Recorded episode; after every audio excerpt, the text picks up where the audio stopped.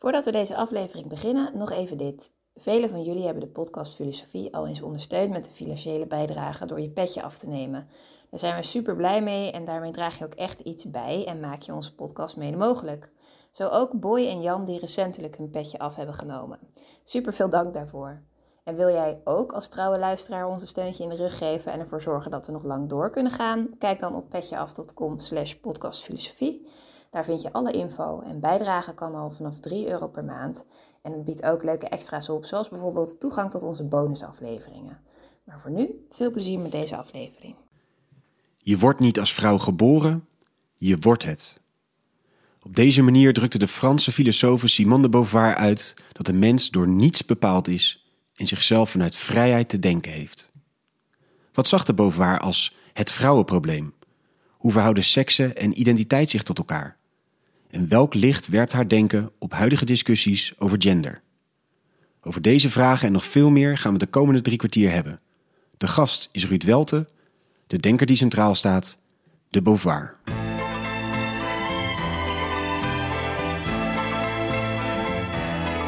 Vers les docks où le et l'ennui me courbent le dos. Dag, goed dat je weer luistert naar een nieuwe aflevering van de podcast Filosofie van het Centre Erasme, School voor Filosofie in Zuid-Frankrijk, Vlaanderen en Nederland. Mijn naam is Allard Amelink. Het concept van deze podcast is als altijd simpel. Er is een hoofdgast, een presentator en een sidekick. En in ongeveer 45 minuten duiken we in het denken van één filosoof. Vandaag zit naast mij Letitia Hoebe. Dag, Allard. En eh, we zitten in een hele mooie omgeving. Zeker, ja, midden in de bossen. Dus eh het kan zijn dat je af en toe een haan hoort. Precies, want we zijn weer te gast bij Ruud Welte. eh, Bekend van eh, de eerdere podcast over Sartre en over de pest van Camus. En ook een beetje bekend van de haan die daar af en toe op de achtergrond eh, te horen was bij Sartre. Mooi dat we hier mogen zijn, Ruud. Jij bent filosoof en verbonden aan de Erasmus Universiteit in Rotterdam en Tilburg University. Ja, klopt. En welkom. Dank. En we gaan het vandaag hebben over Simone de Beauvoir, een Franse filosoof en schrijfster die leefde van 1908 tot 1986. Haar denken wordt gerekend tot het existentialisme. Ze studeerde literatuurwetenschap, wiskunde en filosofie in Parijs en daar ontmoette ze Jean-Paul Sartre, die haar levenspartner zou worden. Ze begon als docent aan de middelbare school, maar legde zich vanaf 1938 toe op het schrijven van boeken. In 1949 verscheen haar bekendste werk, De Tweede Sekse, een van de bekendste werken van het feminisme. Ruud, eh, later van dit jaar verschijnt van jouw hand het boek Wie is er bang voor Simone de Beauvoir? Over feminisme, existentialisme, God, liefde en seks bij uitgeverij Boom. En heeft het niet iets raars dat jij als man een boek schrijft over een boek dat gaat over feminisme en geschreven is door een vrouw? En heeft het daarmee ook niet iets geks dat wij jou nu hier interviewen over deze denker? Nou ja, en dat bovendien ook eh, in de traditie altijd veel door vrouwen is gelezen en nauwelijks door mannen. Dus ik dacht, laten we dat eens doorbreken. En ik vind het vooral ook een boek dat eh, absoluut eh, een enorme actualiteit heeft. Ehm, en vooral voor, ehm, voor onze samenleving. En niet zozeer, ik zie het, ik zie het niet zozeer dat het, het vrouwenprobleem waar we het over kunnen hebben, zo het, woord noemt Beauvoir zelf. Hè, eh, dat is, eh, dat is niet iets eh, wat is voorbehouden aan vrouwen, maar is een probleem wat onze samenleving tekent. Een systematische onderdrukking van vrouwen. En daar gaan we niet uitkomen wanneer we dat alleen maar, als we alleen maar vrouwen onderling dat met elkaar bediscussiëren. Ik denk dat het eh, werkelijk hoog tijd is dat we ook eh, de feministische klassiekers, waar- waarvan dit toch eh, ehm, eigenlijk de eerste is van de, van de moderniteit, dat we die grondig gaan herlezen. En vooral ook mannen. En wat is dat vrouwenprobleem waar Simone de Beauvoir het over heeft? Ja, het vrouwenprobleem is. kijk, het Tweede Seks is een heel ongemakkelijk boek. Het is voor, voor, het is, het is voor niemand is het een, is het een, een feel-good boek. Niet voor vrouwen, maar ook niet voor mannen. Ehm, het vrouwenprobleem bestaat er voor Simone de Beauvoir in dat ehm, in de westerse moderniteit ehm, de vrouw systematisch op de tweede plaats wordt gezet. Ze is, ze is letterlijk voortdurend de tweede sekse. Ehm, en dat is een. eh, eh, ze verwijt eigenlijk vrouwen dat ze de, grootste moeite hebben om zich in vrijheid te realiseren. Eh, dat ze daar te makkelijk in meegaan. En ze verwijt mannen ja, voor het feit dat we in een samenleving zitten ehm, die misschien niet zozeer mannelijk masculien is, maar veel eerder pretendeert neutraal te zijn. Ehm, de waarheid is, is, is neutraal. We hoeven niet over mannen of vrouwen te hebben. Maar in werkelijkheid, als je ernaar kijkt, voortdurend um, masculin is, voortdurend mannelijk is.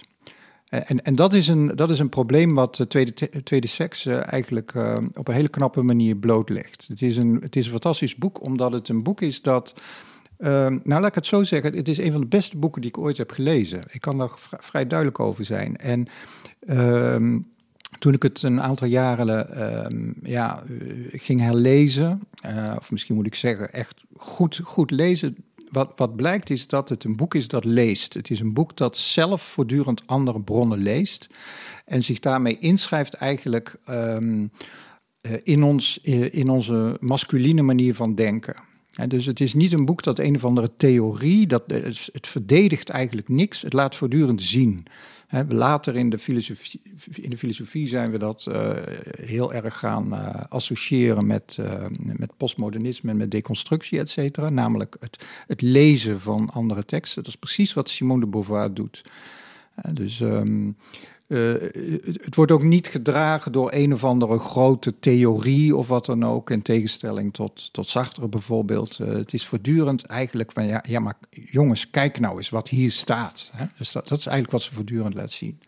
En wat voor dingen ziet ze dan? Want je zegt net, uh, er wordt vanuit mannelijk perspectief snel geschetst dat er een neutrale samenleving is, maar eigenlijk is die heel masculien. Waar zit dat masculine in? Dat masculine zit, nou ja, je kan het op verschillende manieren. Ja, wat ik zei, uh, ze leest, dus alles gaat over details. Het gaat niet over een of andere uh, grote lijn met allerlei uh, manieren om dat te illustreren. het is voortdurend op, op de tekst, op, op het lezen zelf.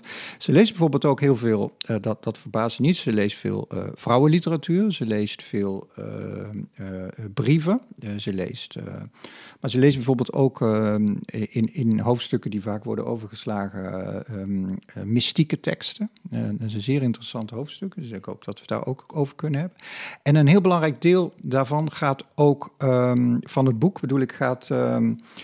Uh, gaat over psychoanalyse. En uh, ze gebruikt dus veel psychoanalytische verslagen uh, uit, uit, uit de tijd. Um, van, een, van een zekere Stekel die, eh, die toen erg populair was in Frankrijk. Ehm, ja, en wat ze, wat ze eigenlijk voortdurend laat zien is dat de mens, en dat is eigenlijk al een heel wezenlijk existentialistisch uitgangspunt, is een, is, is een gespleten wezen. En dat wezen dat probeert eigenlijk voortdurend zichzelf als een geheel te denken. Um, als je iets vroegere werk uh, van Simone de Beauvoir leest, Pour un moral de l'ambiguïté bijvoorbeeld, dat is een paar jaar uh, daarvoor, dat is, een, dat, is een, een, een, ja, dat is een hele mooie filosofische tekst waarin ze laat zien dat de westerse filosofie eigenlijk niks doet, niks anders doet dan, uh, dan doen alsof dat niet zo is. Dat de mens een, een, een, een, een, een heelheid is. Uh, en je moet het alleen op de goede manier zien. Je moet de goede filosofie hebben, de goede theorie. En ze verzet zich eigenlijk tegen het feit dat we voortdurend eigenlijk liegen tegen onze onze fundamentele gespletenheid. En met gespletenheid bedoel ik hier, en bedoel Beauvoir, uh, ja, daar kun je meer, meerdere existentialistische auteurs bij, uh, bij betrekken. Bedoel ik dat we eigenlijk niet weten wie we zijn, dat we een voortdurend een voorstelling van onszelf maken. dat is typisch aan mensen, dus niet dieren. Dieren die zijn wat ze zijn, de natuur geeft ze in, ze zijn natuur, hoe ze moeten handelen. Mensen niet, mensen lopen rechtop en die, die zijn dat, dat contact zo gezegd kwijt, als het er ooit is geweest. En die vragen zichzelf voortdurend af, maar wie ben ik dan en wat moet ik dan doen? Um, het is heel belangrijk om uh, het existentialisme van Beauvoir ook te zien, omdat dat betekent dat, uh, uh, dat de Beauvoir voortdurend op het niveau zit van, ehm, ja, je zou kunnen zeggen van de verbeelding van wat we zijn. Wij verbeelden ons wat mannen en vrouwen zijn. Dus het, het, het het lange eerste deel van de tweede sekse, daar wil ze afrekenen met het feit dat er een biologisch verschil uh, is dat van betekenis is tussen mannen en vrouwen. Natuurlijk is het zo, er bestaan mannen en, ze, en, en er bestaan vrouwen. Hè? En, en dat, dat laat zich heel makkelijk aan hun geslachtsorganen uh, laat ze, uh, zien, bij een baby. Um, maar het gaat niet om wat we zijn, in, in wezen zijn. Het gaat erom wat we voorstellen te zijn. Um, dat, dat wil zeggen dat, om, om een voorbeeld te noemen, eh, natuurlijk is het zo dat een, een, een jonge vrouw op een gegeven moment gaat menstrueren. Het gaat er niet om dat dat biologisch zo wordt bepaald en dat dat nu eenmaal is wat vrouwen altijd overkomt. Het gaat erom welke betekenis daaraan wordt toegedicht door de samenleving. Dat, en dat is het, uh, daarom is Beauvoir uh, leest ze. Dus je zou kunnen zeggen, um, hoe ontstaat taal? Hoe ontstaat de manier hoe wij spreken en denken? Hoe ontstaat de verbeelding? Hoe wij vo voorstellen hoe mannen en vrouwen zouden moeten zijn? Uh, en, nou, dat, is, dat is een heel wezenlijk algemeen um, existentialistisch uitgangspunt. Niet uitgaan van datgene wat we essentie noemen. Uh, het is nu eenmaal zo, het is wat het is. En je kunt dat als wetenschapper uh, onderzoeken. Maar van radicale vrijheid. Dus mensen existeren, um, uh, om het te zeggen in, in, in, termen van Sartre. Dat zijn de termen die, die ze ook overneemt van Sartre. Um, Mensen bestaan natuurlijk, ze zijn, maar ze verhouden zich altijd tot zichzelf. Ze vragen zich altijd af, ja, maar wat ben ik dan? En, en ik, ik ben een vrouw, ik ben een man en wil ik dat wel? En, en wat, ja, hoe moet ik me dan gedragen, et cetera? Dus ze spiegelen zich voortdurend aan uh, met name de samenleving waar ze in zijn. Als die samenleving er voortdurend al vanuit gaat dat uh, het primaat uh, masculin is, dan zit het met een geweldig probleem op, opgezadeld. En dat is een probleem wat Beauvoir op een hele, uh, nou weinig systematische uh, manier beschrijft. En dat komt omdat ze eigenlijk voortdurend citeert, et cetera. Maar er zit een hele interessante lijn in, die, die ik in mijn boek ook uitwerk, die ik er een beetje uithaal ook in een van de hoofdstukken. Is, uh, ja, het is niet zo vreemd dat onze westerse samenleving masculien denkt. dat heeft alles met, met onze religies te maken, met het monotheïsme. Dat we al vrij vroeg hebben moeten kiezen. Uh, er bestaat één God, niet meerdere goden. Dat betekent dat de andere goden hebben, dat, dat is allemaal uh, leugen, dat is ongelijk. Dat zijn, onze God is naijverig, hè, lees het Oude Testament, maar vooral het is een man. Um, en die masculiniteit, die eigenlijk uit monotheïsme komt. Hè, dus, en, en dit is belangrijk, hè, dus, dus het feit dat God een man is, heel expliciet en heel expliciet niet een vrouw. Uh, in de drie grote monotheïstische religies, en natuurlijk daarmee ook, zeker ook in het christendom, dat heeft gigantische gevolgen voor onze cultuur, die niks te maken hebben of ik wel of niet in God geloof. Ja, ik kan wel zeggen, ja, ik, ik zit daar niet mee, want ik, ik geloof niet in God. Dus uh, ja, dat die religieuzen dat doen. Nee, onze, heel, onze hele taal, onze hele manier van spreken, onze denkstructuren, die zijn doorspekt met die religieuze masculiniteit. En daarbij is het grote probleem uh, dat we op een uh, nou, kijk ook naar de geschiedenis van de filosofie bijvoorbeeld. Uh, filosofie gaat zeker in de, in, in de traditionele filosofie, denk bijvoorbeeld aan de 17e eeuwse filosofie, in, in de, de, het verlichtingsdenken wat daar kort op volgt, uh, gaat het toch steeds om de waarheid. Hè? Het, kan niet zo zijn dat er meerdere waarheden naast elkaar bestaan. Er moet een keus worden gemaakt, er moet een argumentatie, er moet bewijsvoering komen, hoe dan ook, waar, waar je het ook over hebt. Het steeds komt er neer dat dat één is. En dat ene is steeds uh, blijkt steeds mannelijk te zijn. Dat, dat blijkt het model dat uh, waarheid één is, is überhaupt, metafysisch gezien, is überhaupt iets wat voortkomt uit het monotheïsme. Want God is één. Het kan niet zijn dat God twee is of wat dan ook. Dus daar, die, de vrouwen zitten daarmee opgescheept. Maar en, en dan is dus het feit dat het verlichtingsdenken zoekt naar waarheid en dat is toch een masculine waarheid, is dan toch een erfenis van die religies? Of ja, waarom absoluut. Is die, ja. ja. maar die, dus op zich zegt de verlichting niet dat de waarheid mannelijk is, maar nee. dat zit er als een soort bijklank bij of zo dan? Ja, nou de, kijk, en daar zit een probleem waar denk ik Beauvoir uh, in de tweede sekse echt uh, haarscherp steeds uh, het, het, het, probleem laat zien. Um, en dat is dat, dat, dat die uh, waarheid steeds zich voordoet als neutraal maar steeds stilzwijgend masculien blijkt te zijn. Um, en hier zitten we met een probleem, want mensen worden geboren als man of vrouw. Um, we moeten zo over identiteiten denk ik ook hebben, maar ja, hoe dan ook. We worden geboren als man, uh, man of uh, vrouw. Hè. Je zou kunnen zeggen, nou, inderdaad, biologisch.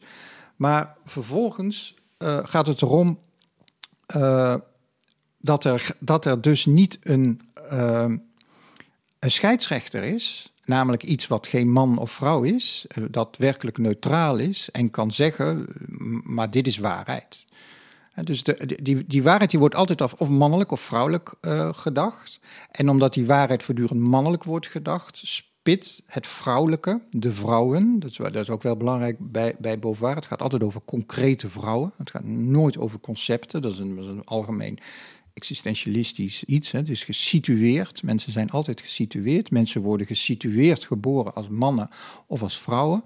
Maar daardoor eh, eh, is het, eh, precies daardoor is het probleem dat, dat ze. dat de mannelijkheid deze neutraliteit eigenlijk opeist. Maar, maar daar niet expliciet over doet. Dat, dat, is, het, dat is het probleem. Dat is het probleem, denk ik, wat eh Beauvoir ook, eh, eh, ook laat zien. Hè. Je, je, je, je, natuurlijk word je geboren met een, met een geslachtsorgaan waarbij je man of vrouw bent, maar mensen zijn niet van nature man of vrouw. Dat is de hele, hele these van, van Beauvoir. Maar ze moeten worden begrepen, of beter gezegd, ze moeten zichzelf begrijpen vanuit een radicale vrijheid.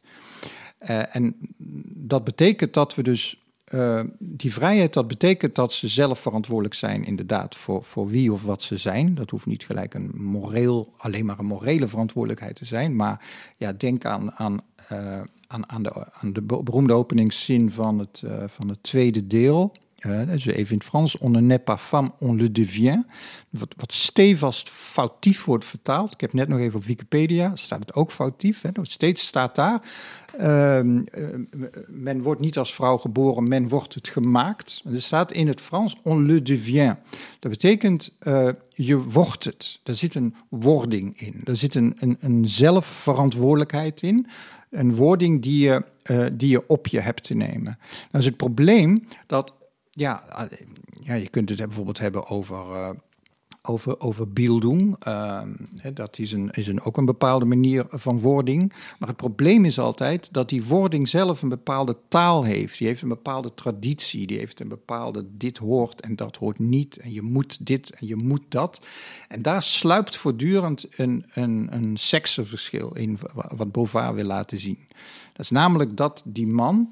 Uh, dat die man macht is. Hè? God is macht. Dat hij waarheid is. God is, is, is waarheid. En dat hij, um, dat hij in feite uit is op. Uh, uh, uh, ja, op, op, op bezit. Hè? Dus de, de, dat is natuurlijk een heel groot probleem, is dat mannen zich tot de dag van vandaag vaak gedragen alsof ze niet alleen de, de wereld en de dingen bezitten, maar dat ze vooral ook de vrouw bezitten.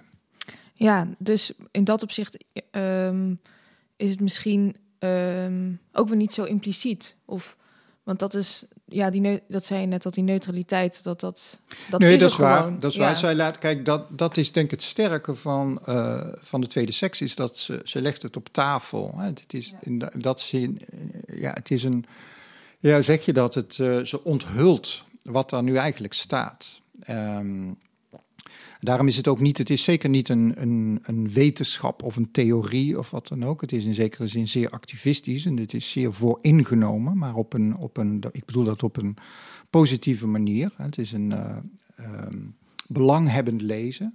Uh, maar ik bedoel dat op een positieve manier, omdat ze, je, omdat ze steeds je wijst op volstrekt, uh, op een volstrekte ja, hegemonie van, van de masculiniteit.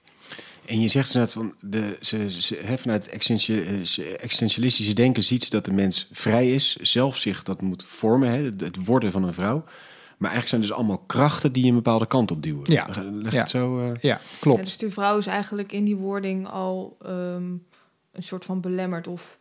Ja, die vrouw, Ja. Die, die, de vrouw die kan zichzelf niet herkennen. Uh, zo, dat zijn eigenlijk vrij expliciete woorden die ze ook gebruikt in, in de volstrekt masculine manier van ons, ons denken, van onze cultuur. Waarin uh, vrouwen zich voortdurend, uh, ja, ofwel ze gaan daarin mee. Hè, ze zeggen, ja, maar er is niks aan de hand, ik ben perfect gelukkig zo. Ofwel zijn fundamenteel vervreemd van zichzelf. En even, eh, om misschien eventjes heel concreet te maken. Dus eh, eh, ja, ik geef les op universiteit. Er zitten mannen en vrouwen zitten in de collegebanken. En die, die vrouwen en die mannen, die doen een master. Ja, moet je nagaan, een master. We zitten hier in t- 2020 en we noemen het nog steeds een master. Ehm, ja, daar lees je natuurlijk, hè, dus ik noem dat even lezen, daar kijk je natuurlijk heel snel overheen. Maar als je ook naar onze taal alleen kijkt, aan, aan de manier waarop we waarde toedichten aan dingen, is steeds dat het model van de succesvolle mens blijkt steeds een model te zijn van een succesvolle man. En dan zitten we met een probleem. Dus de man die, eh, die niet zozeer dat mannen iets doen, eh, eh, daar gaat het niet om. Dus het gaat er niet om dat mannen eh, een karakter hebben waardoor dat ze macho zijn en vrouwen onderdrukken. Dat mag allemaal zo zijn, maar er zijn genoeg mannen die dat niet doen. Dat is niet het punt. Het punt is dat de, de denkstructuur van onze samenleving voortdurend masculin is. Wat betekent dat het voortdurend ehm, ehm, eh, ja, eh, uit, eh, uit is, een uiting is van macht, een uiting is van bezit. En dat als een algemene, niet van seksen afhankelijke waarde voortdurend opdringt. Waardoor de vrouw desalniettemin voortdurend eh, op de tweede plaats staat. Ja, en je, je zei aan het begin geloof ik dat, dat de Beauvoir dat vrouwen ook verwijt eigenlijk. Dus dat ze, dat, ze niet hun dat ze niet de vrijheid kunnen realiseren. Dus het is eigenlijk interessant van, ja, wat is dan... eh, over welke vrijheid, eh, wat bedoelt dan eh, de Beauvoir in dit geval met vrijheid als het gaat om vrouwen? Ja, Ehm, en wat is eigenlijk het verwijt? eh? Ja, ja dat, ik denk dat is, een, dat is een belangrijk punt. Zoals ik al zei, ik denk de tweede sectie is een, is een zeer ongemakkelijk boek om te lezen. Je wordt snel boos en je gaat je snel irriteren. En het is een fantastisch boek eigenlijk. er gebeurt tenminste wat. Maar ehm, ja, het is, het is eh, het is verwijtend in de zin dat het, eh, misschien, misschien is het woord verwijten niet, niet, niet helemaal goed, omdat dat gelijk heel moralistisch is. En ik denk dat het fundamenteler is dan alleen maar e- e- ethisch en moreel. Maar ehm, in die zin dat eh, vrijheid ehm, fundamenteel is voor elk existentialistisch denken. Dat betekent dat de mens niet is wat hij is, dat de mens zich afvraagt wat, wat hij is. En dat de mens ook verantwoordelijk is voor datgene wat hij, wat hij heeft te zijn volgens zijn eigen eh, project. Nou, is het misschien om, om dat woord vrijheid, ja, wanneer komt dat erin? hè? Je, vrijheid speelt bijvoorbeeld nauwelijks een, een serieuze rol bij de, bij de oude Grieken. Het speelt nauwelijks een rol in, in het theologische denken eh, van de middeleeuwen. Het speelt geen rol bij nauwelijks een rol in de 17e eeuw, et cetera. Dus wanneer komt dat erin? In de Franse Revolutie. Dus eh, Simone Beauvoir is, even als Sartre overigens, een, een, een denker die zoveel mogelijk trouw wil blijven aan het project van de Franse Revolutie, namelijk de afschaffing van twee manfiguren. God, dat is de eerste, en de andere is de koning. Ehm, en dat betekent dat de, de mens, en dat zie je, ehm, dat zie je heel in de literatuur, in de poëzie eh, van, de, van de 19e eeuw tot, tot Nietzsche aan toe. Daar zie je de enorme tragedie. Eh, niet zozeer van, oh, joepie, we zijn vrij, ik heb mezelf vrij eh, gemaakt. Maar de, we, we kunnen niet meer terug naar, dat, naar een vastigheid die onze mensheid blijkbaar vroeger had. En dus existentialisme wil deze tragedie, zo, zo gezegd, doorleven. En daar, daarin staat het inderdaad wel dicht bij Nietzsche. De verschillen zijn ook wel erg groot, maar in dat opzicht is het, uh, is het zeer Nietzscheaans. Dat, het, uh, dat is een zeer tragische situatie. Ja, we kunnen niet zomaar terug naar God. En als we dat doen, dan doen we dat door middel van geloof. Maar ja, de, de middeleeuwen, daar gaat het niet om geloof. Het gaat om, die is in God, hij is met God. Dus dan... Uh, dat betekent dat bevestigt alleen maar dat de mens zich tegen, tegen, tegenover zichzelf uh, ziet. Hè, dus in termen van Beauvoir en Sartre is pour soi. Hè, is, is, is voor zichzelf, tegenover zichzelf. Staat in de spiegel, vraagt af wie is dat daar en uh, ben ik dat echt? Um, en, uh, en, re, en, realiseer, en, en heeft zich zichzelf te realiseren als, als mens. Dat betekent. Um, dat, bet dat, betekent dat de mens uh, zichzelf vanuit vrijheid heeft te denken. Dus niet zozeer de mens is vrij. Hè, natuurlijk, je kan enorm veel eh, dingen noemen waarop het volstrekt onzin lijkt om te zeggen dat mensen vrij zijn. Kijk, kijk naar de wereld, kijk naar hoeveel mensen uh, politiek bijvoorbeeld niet, niet vrij zijn. En dus ook vrouwen niet vrij zijn. En ook vrouwen niet vrij zijn. Maar dat is niet het punt. Het punt is, uh, de, de menselijkheid heeft zichzelf vanuit vrijheid te denken. Dat betekent dat hij niet uh, gedetermineerd is door wat dan ook. Dus ook niet door zijn geslachtsorganen is die niet gedetermineerd. Uh, dat betekent ook dat, de, dat natuurlijk ben je vrouw op een biologische manier, maar dat is, dat is niet het punt. Je bent vrouw omdat de samenleving je, om, je een taal bedient waarover over jezelf gaat denken. Die blijkt voortdurend mannelijk te zijn, hè, maar die doet alsof hè, je doet een master, maar je doet, we spreken over men in het algemeen. Nou, dat is ook al men, man. Uh, nou, ga zo maar door. Dus daar zit een, uh, een, een soort hypocriete neutraliteit in, die altijd al uh, gender-based is, zoals we tegenwoordig zeggen. Nee, dus die seksueel bepaald. Natuurlijk hebben mannen dat ook. Natuurlijk krijgen mannen ook allerlei rolmodellen voorgeschoteld over wat ze, wat ze moeten zijn. Uh, over zogen, zogeheten essenties. Alleen het probleem is dat mannen doen daar voortdurend hun voordeel mee, terwijl vrouwen het onderspit delven. Dat is het punt van, uh, van, van Beauvoir. Um, ja, kunnen we in dat licht ook eigenlijk de, de titel van het boek lezen? Ik stel me voor dat de Beauvoir in dit uh, opzicht ook uh, bewust heeft gekozen voor um, uh, de seksen, het woord seksen, niet ja. waar we het nu vaak over gender hebben. Ja, klopt. Ik denk, nou ja, het, ik denk dat het, het gebruik van het woord gender is sowieso wel echt wel van, die na, van na die tijd. Natuurlijk bestaat het woord al veel langer. Maar gender is juist voor Beauvoir um, uh, heel biologisch gedetermineerd. Hè. Gender is, is, is, uh, komt van soort, van, van het Latijnse en het Oud-Franse woord soort. Het is het woord dat Linnaeus het zelf gebruikt. Dat betekent dat je dus biologische wezens gaat onderschikken. Dit is dat en dat is dat en deze zijn hoger dan die. Uh, Beauvoir zou uh, of nou, die heeft dat ook nooit gedaan, maar ze zou ook vandaag de dag, zou ze niet kiezen om te spreken hier over, over genderproblematiek, maar heel duidelijk over een, uh, over man-vrouw, of met, met andere woorden, over seksualiteit. En seksualiteit, en, en daar zit denk ik een hele sterke psychoanalytische lading in het boek, uh, namelijk dat mensen... Um, in sterke mate seksuele uh, uh, wezens zijn. En ze zijn natuurlijk al bepaald door hun. Uh, door een, ze krijgen, nou laat ik het zo zeggen. Ja, je moet hier eigenlijk heel precies zijn in hoe je het zegt. het eerste wat je zou kunnen zeggen is van mensen worden als man of vrouw geboren. Dat is waar. Maar zoals ik al eerder zei, het gaat er niet om wat ze biologisch zijn en dat ze zich afrollen uh, in, in een volledige uh, ja, vooruitgestippelde levensloop van ja, dit is nu eenmaal hoe mannen zijn en dit is nu eenmaal hoe vrouwen zijn. Nee, ze vormen zichzelf. Hè, of ze, ze vormen ook elkaar.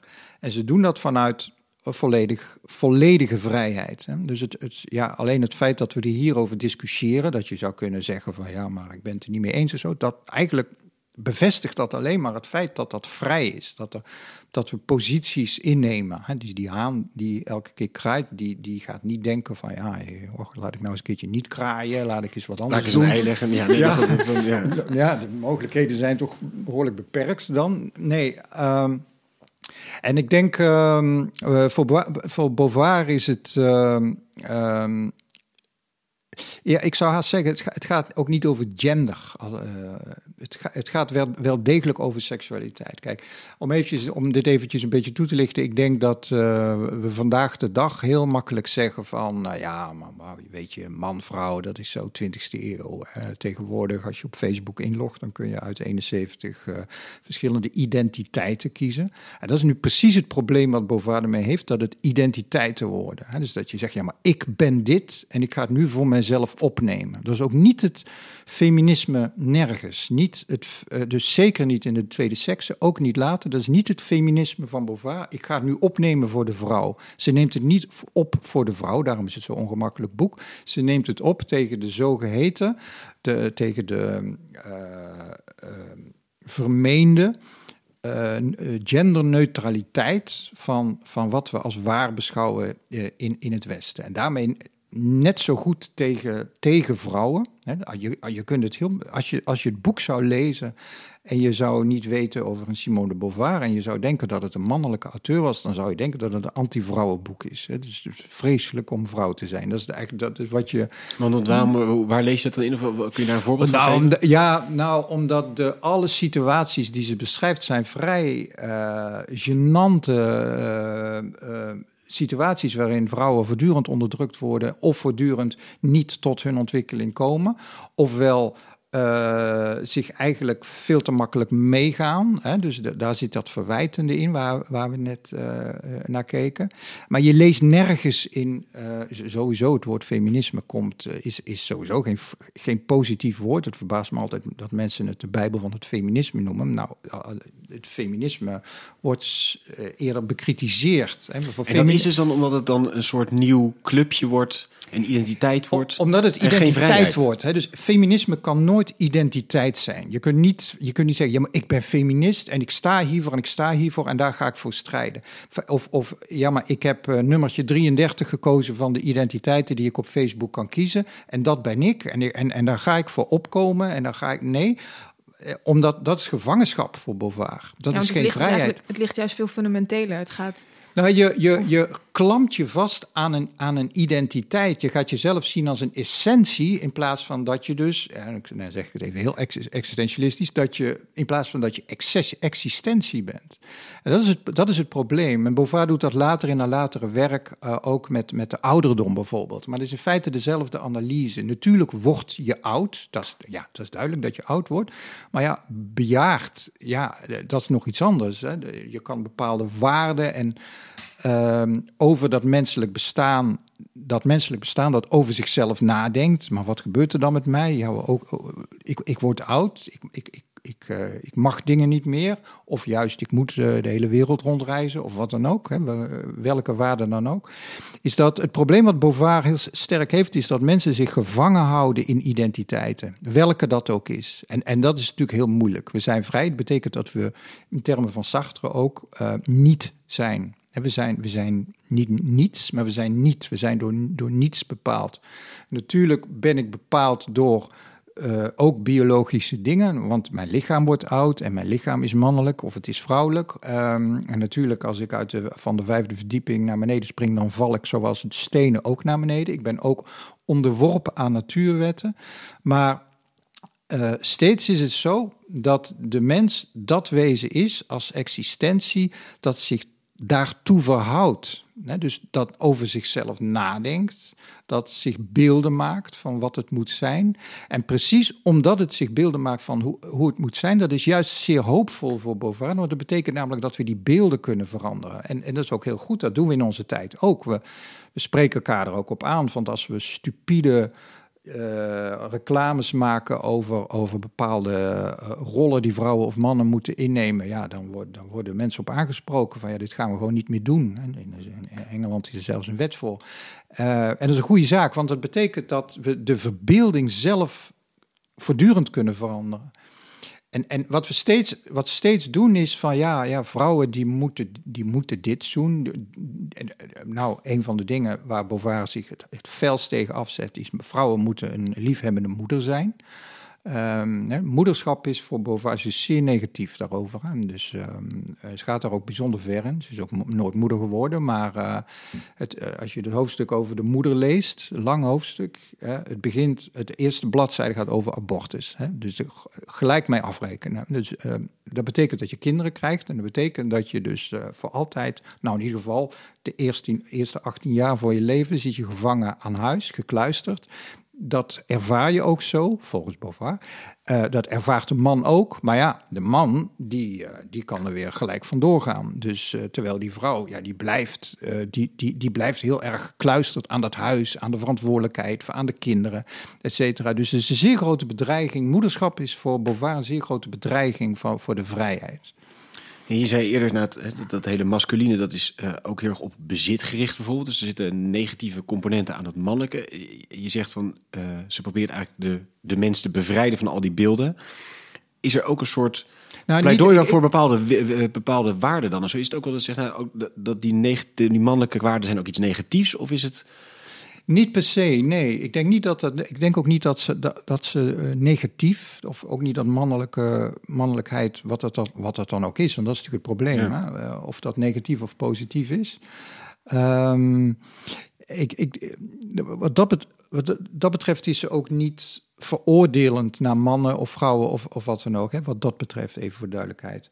En misschien is goed, eh, kijk, waarom is bezit? Niet omdat mannen altijd bezitten, maar dat heeft, eh, dat laat Beauvoir ook zien, en dat is eigenlijk de psychoanalytische laag, waarom het tweede seksen heeft en waarom het niet over gender in het algemeen gaat. Wel, wel, wel degelijk seksen en, en ja, eh, wat is seksualiteit? Het is, eh, hoe dan ook, begint dat bij, eh, bij onze geslachtsorganen. Al de, de hele kleine kinderen worden al op een bepaalde manier opgevoed. Namelijk dat jongetjes plassen, hun plasser vasthouden, richten.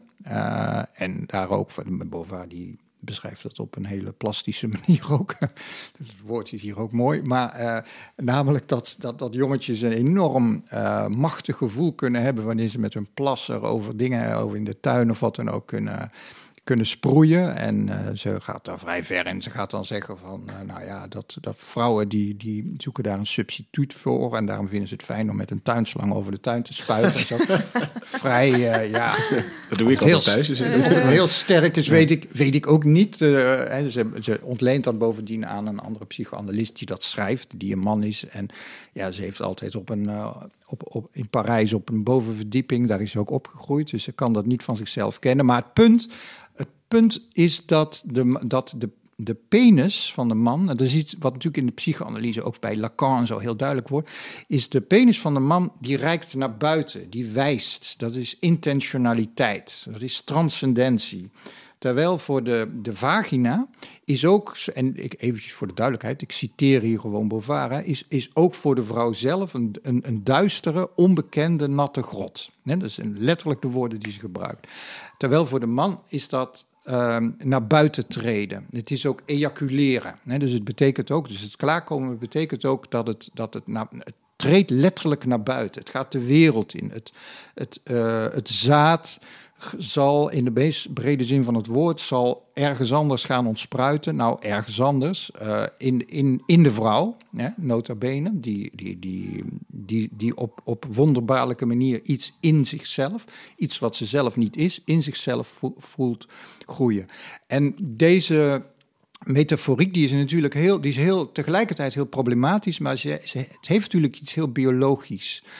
Uh, en, en, en die probeert daar uh, die probeert daar ook mee af te rekenen. Hè. Ze gaat verder eigenlijk om, nou ja, in ieder geval, ze denkt anders dan de Freudiaanse en de Lacan, Lacaniaanse psychoanalyse. Ze was overigens al heel vroeg ook heel erg geïnteresseerd in Lacan, dus even voor de duidelijkheid. Maar um, uh, het punt is steeds dat deze, dat, dus als ik zeg, of als Beauvoir zegt dat mannen.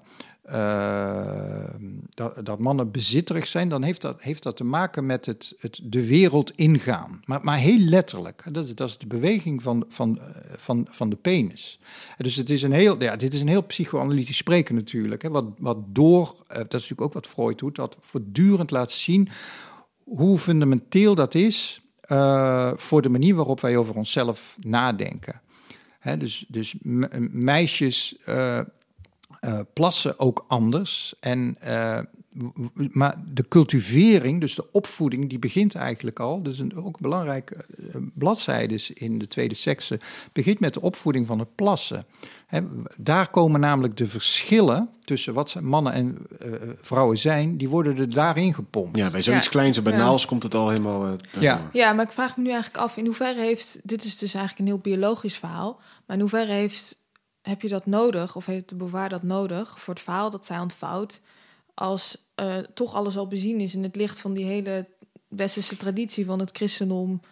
En, eh, Ja, omdat ze, ja, ze wil voortdurend masculine- laten zien, hè, dus ook in het hoofdstuk over biologie, wat een, in het eerste deel eh, staat, dat is een heel lang hoofdstuk, wil ze eigenlijk voortdurend laten zien dat mensen die zeggen altijd van, ja, maar kijk dan naar de natuur, daar is de haan, hè, om daar weer even op terug te komen, Eh, die, die, die, die draagt de zorg voor de kippen en die is ook de baas, et cetera. En het zit al in de natuur. En zij laat zien, nee, het zit niet in de natuur, het zit in de manier waarop we naar de natuur kijken. ja. En, en dat is denk ik een heel erg Ja, het streng feit dat we het zien in de natuur zegt al dat we het zien, zeg maar. Dat, eh, Ja. Ja, en, en, eh, d- en nou ja, daarbij, wij zijn, wij zijn inderdaad geen kippen en hanen. Wij zijn mensen, wij zijn vrij. Wij kunnen, wij kunnen ons op een, nou, we doen het eigenlijk al voortdurend, op een andere manier ontwikkelen dan dat de, de zogenaamde natuur ons ingeeft. Het is bijzonder voor het existentialisme in het algemeen, bijzonder problematisch om, om, om voortdurend terug te vallen op argumenten van ja, maar dat, zo, zo zijn mensen nu eenmaal, dit zijn nu eenmaal mannen, et cetera. Eh, nee, natuurlijk, natuurlijk is dat niet. En dat is nooit zo. Hè? Dus wanneer ik, eh, wanneer ik zeg van ja, maar mensen zijn, eh, ik noem maar wat, hè, wat mensen vaak zeggen.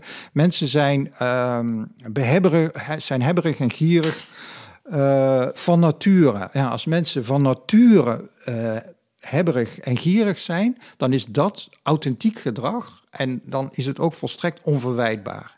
Maar we hebben de woorden hebberig en gierig omdat ze moreel verwijtbaar zijn. Dus wij, wij denken na over wat ons handelen is. Wij reflecteren, wij maken beelden daarvan. En die beelden, dus daarom noemde ik het voorbeeld van dat plassen, wat inderdaad heel, ja, het is heel psychoanalytisch om daarna terug te gaan. Ook om, precies omdat het zo terug is naar de, naar de jeugd. Maar eh, wat, wat ook Beauvoir heel sterk doet, hè, in tegenstelling tot Sartre bijvoorbeeld, is, eh, is dat de betekenissen eh, daar er al in slijpen. Dat de jong, het jongetje moet zijn plassen vasthouden, die moet richten, hè, die, moet het in die, die, die werpt het uit. En, en, en bij de vrouw, die moet, ja, die moet hurken, die moet ingewikkelde dingen doen. En die moet zich schamen als ze hurkt, als ze in het bos gaat zitten. in van, een eh, hoekje en weet ik veel. Ja, precies. ja, en, en de menstruatie. Natuurlijk is het zo dat vrouwen, dat meisjes, dat ik noemde het al, dat, dat menstrueren. Maar het gaat er niet om dat dat biologisch is ingegeven. Natuurlijk is dat biologisch ingegeven. Dat is het punt niet. Maar het punt is, welke betekenis kennen we daaraan toe? Gaan we ze voortdurend inprenten dat, dat, ze, dat ze vies zijn en dat ze eh, even niet onder de mensen moeten komen, et cetera? Nou, er zijn natuurlijk talloze antropologische, historische interessante eh, onderzoeken naar gedaan hoe dat voortdurend verandert. En dat is de vrijheid. Het kan veranderen. Dus je kunt zeggen, ja, het komt in alle culturen voor. Ja, maar dat betekent ook, dat is natuurlijk het project van de Franse Revolutie ook. Dat betekent dat, maar nu houden we hiermee op. We gaan het veranderen. Het is dus niet zozeer uh, tegen beelden, maar uh, we zijn niet gevangen in, in die beelden. Dat is het probleem. Uh, het is nu 71 jaar geleden dat het boek verscheen. Wat zien we er vandaag de dag van terug? Of is dit, heeft dit een, een, echt een verandering in denken teweeggebracht? Hebben mensen, heeft het de schellen van de ogen geworpen? Of? Nou, een van de redenen waarom ik eigenlijk het heel enthousiast ben mee ben gaan werken. En, en uh, in de zin van ook een college overgegeven. Wat, wat voor mij betekent het bediscussiëren met mensen, met mannen en vrouwen, et cetera. Wat, wat, wat fantastisch is. Uh, maar voor mij betekent het ook vooral dat uh, ja, de generatie, de filosofische generatie waarmee ik veel meer bij, bij opgegroeid, het postmodernisme, heeft dit punt wel laten liggen. Dus het is heel erg in het in de filosofische debat erg gegaan over, over uh, seksuele differentie, et cetera. Um, het zijn echt fantastische filosofen overigens, die ik ook heel graag lees. Met, met name Julia Kristeva bijvoorbeeld, die overigens de laatste jaren weer in Frankrijk uh, Beauvoir um, eigenlijk herontdekt, herleest, erover publiceert. Um, ik denk dat dat er veel te weinig is veranderd. En we zitten ook in een, in een soort gevarenzone. Mensen gaan heel erg snel roepen, ja, maar dat is toch achterhaald, et cetera. Nou, ik denk dat het... Uh, ik zal een voorbeeld noemen. Wij mogen dan denken dat uh, het denken in mannen en vrouwen... dat dat heel erg 20e eeuw is en dat we daarmee moeten afrekenen. En dat we allerlei uh, mooie verhalen over identiteiten kunnen gaan houden. Dat we allerlei diversiteitsworkshops, et cetera... die altijd vrolijk en ludiek moeten zijn in plaats van kritisch te zijn... Uh, dat we op zo'n manier de samenleving op een prachtige neoliberale manier allemaal kunnen inrichten. Kijk naar MeToo, wat nu al jaren speelt. Dat laat iets heel anders zien. Dat laat zien dat de, dat dat de mannelijke, nee, sorry, dat de westerse samenleving wordt ingericht naar het mannelijke uh, naar het mannelijke geslachtsleven, naar de mannelijke drift. Het gaat wel degelijk over mannen en vrouwen. Het gaat, het gaat niet over, over allerlei uh, identiteiten die daar ook nog eens tussen kunnen en, en die je dan kunt aanmeten en des, desnoods ook weer van je, van je afgooien. Het gaat om, om, iets, om iets zeer pijnlijks. Hè? En, en dat is het goede hè, aan uh, MeToo, is dat het, zoals in de psychoanalyse als het ware, dat er iets er wordt nu iets gezegd. Er komt iets, hier iets naar boven. Vrouwen, soms ook mannen trouwens, in, in, in MeToo, maar vooral vrouwen durven te spreken. Namelijk omdat ze zich kunnen identificeren met andere vrouwen die dat ook altijd maar hebben moeten verzwijgen. En, en dat zijn hele belangrijke revolutionaire bewegingen, ook voor, voor Beauvoir. En nou, hetzelfde geldt voor de, wat in de laatste maanden bij de. Uh, bij de discussie over uh, zwarte mensen uh, steeds uh, naar voren is gekomen en in de actualiteit is geweest. Dus dat zijn, het zijn zeer belangrijke, um, ja, emanciperende bewegingen. Emanciperen betekent niet, betekent niet voor voor jezelf opkomen. Integendeel, het existentialisme betekent dat je, dat, je, dat je erkent dat je niets bent, dat je vrij bent, dat je door niets bepaald bent. He, zoals Sartre ook laat zien, is, uh, dat, dat zeer, kan zeer beangstigend zijn. He, dat kan zeer, of wanneer ik, wanneer ik door niets bepaald ben, dan is alles mogelijk. En dat wil ik uitschakelen. En dat is het, ja, dat is het beroemde woord van de kwade trouw, wat ook Beauvoir overneemt. Uh, nou, nou, overneemt, dat zeg ik trouwens heel fout. Uh, kwade trouw is, in, in, dat is interessant. Um, dat, dat is een term die Sartre bekend heeft gemaakt? Die Sartre bekend heeft gemaakt, maar die Sartre en Beauvoir samen, heel duidelijk samen hebben ontwikkeld. Hè, in, in, in, in debatten, in dialogen. Ja, het waren natuurlijk, ja, je zei levenspartner. Nou, ze hadden beide veel meer levenspartners dan, dan uh, alleen. Maar ze waren wel uh, debatpartners. Het is heel problematisch om te zeggen dat, dat Beauvoir alles van Sartre overneemt. Dat is niet waar. Maar het is ook heel problematisch om te zeggen ja, dat, ze, dat ze iets heel anders doet. Hè. Dus het is voortdurend, het is een, het is een zeer existentialistisch denken. Dankjewel, Ruud. We hebben gehoord over Simone de Beauvoir en over, uh, het woord viel gelijk aan het begin al, het vrouwenprobleem, zoals zij het duidt. En wat zij zegt is dat in onze westerse moderniteit staat de vrouw structureel op een tweede plaats. Um, en dat is eigenlijk op zo'n gekke manier dat er wordt verondersteld dat de wereld neutraal is. De samenleving is neutraal, maar stiekem is eigenlijk die samenleving heel masculien. Uh, Simone Beauvoir redeneert dat terug naar uh, de monotheïstische religies, waar er één God is en die is dan een man. En dat dat hele denken van er is uiteindelijk een eindpunt, er is een absolute heerser en dat is een man, dat uh, loopt ook gewoon door tot in de verlichting, waar er wordt gezocht naar één waarheid. En die zit toch eigenlijk een beetje op diezelfde leest geschroeid, namelijk ook een mannelijke waarheid. En um, het boek uh, waar we het vooral over hebben gehad, de tweede sekse, maar in breder denken Simone de Beauvoir, het gaat hier niet zozeer om dat zij een nieuwe theorie aanbiedt of dat ze met een soort tegenverhaal komt, maar wat ze vooral doet is dat te laten zien, dat dat patroon erin zit, dat die masculiniteit van de samenleving zo dominant is.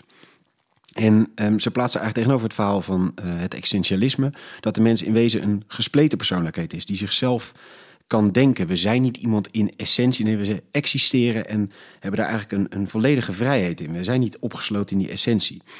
En dus ook onze biologie, zegt ze, definieert niet wie we uh, zijn in onze uh, existentie. Nee, we hebben nog steeds die vrijheid. Maar omdat die wereld zo enorm ingericht is op het masculine denken, slijpt het er toch in en word je eigenlijk automatisch richting die mannelijke leest geduwd. En uh, merken ze ook dat de mannelijke dat mannen daarin in het voordeel zijn eigenlijk in de samenleving. Omdat hen telkens wordt getoond hoe ze bijvoorbeeld al vanaf jongs af aan met het plassen hun territorium eigenlijk kunnen afbakenen, de ruimte kunnen pakken. Uh, uh, met ejaculatie ook, de, ook zich mogen uiten en naar buiten. Terwijl de vrouwen met het plassen en met seksualiteit allemaal een beetje soort in het duistere en verborgene worden gehouden, klein worden gehouden. En dus op deze manier structureel in die tweede positie worden geduwd en daarmee dus ook hun vrijheid vooral worden afgenomen. Simone de Beauvoir uh, verwijt dat, zowel uh, eigenlijk de mannen, omdat het een neutrale werkelijkheid is, die dus helemaal niet neutraal is. Verwijt het de vrouwen dat ze die vrijheid niet pakken. En wijst dus vooral eigenlijk een hele lange leeslijst aan hoe dat telkens op allerlei manieren terugkomt en hoe die patronen telkens zo ongelooflijk heersen. Um, mooi voorbeeld wat ook voorbij kwam uit het moederschap, ook dat reduceert je weer tot een rol en daar zet ze zich tegen af. Um, ze heeft daarbij over seksen, over de seksualiteit. Omdat ehm, bijvoorbeeld de, de 71 soorten eh, ehm, eh, gender die je kan aanvinken bij Facebook... maakt dat die gender een nieuwe identiteit wordt. Ook dat kan weer zo'n dwingend etiket worden van... ja, dit ben ik dan in essentie. Terwijl dat juist haar eh, punt is. Je bent juist vrij in deze hele wereld om hier eh, in te leven. En die seksen moet niet dat je een bepaalde kant op duwt. Het moet geen identiteit worden, het gaat om de vrijheid. Ehm, zeer interessant, zeer fundamenteel denken. We hebben ook gezien hoe dat toch eh, vandaag de dag nog niet echt nou op alle plekken enorm doorgecijpeld is. Eh, wil je nou meer weten over ehm, eh, Simone de Beauvoir en over haar denken, dan verschijnt dus in november dit jaar Wie is er bang voor Simone de Beauvoir van de hand van Ruud over feminisme, existentialisme, God, liefde en seks. Ehm, heel hartelijk dank Ruud voor een zeer verhelderend verhaal en inderdaad een, eh, een zeer eh, mind-opening verhaal. Dankjewel Letitia. En eh, jij weer heel erg hartelijk dank voor het luisteren. Eh, waardeer je onze podcast, laat vooral een positieve recensie achter. En deel deze podcast ook vooral met anderen die dit ook moeten luisteren. Eh, dank en graag tot de volgende keer.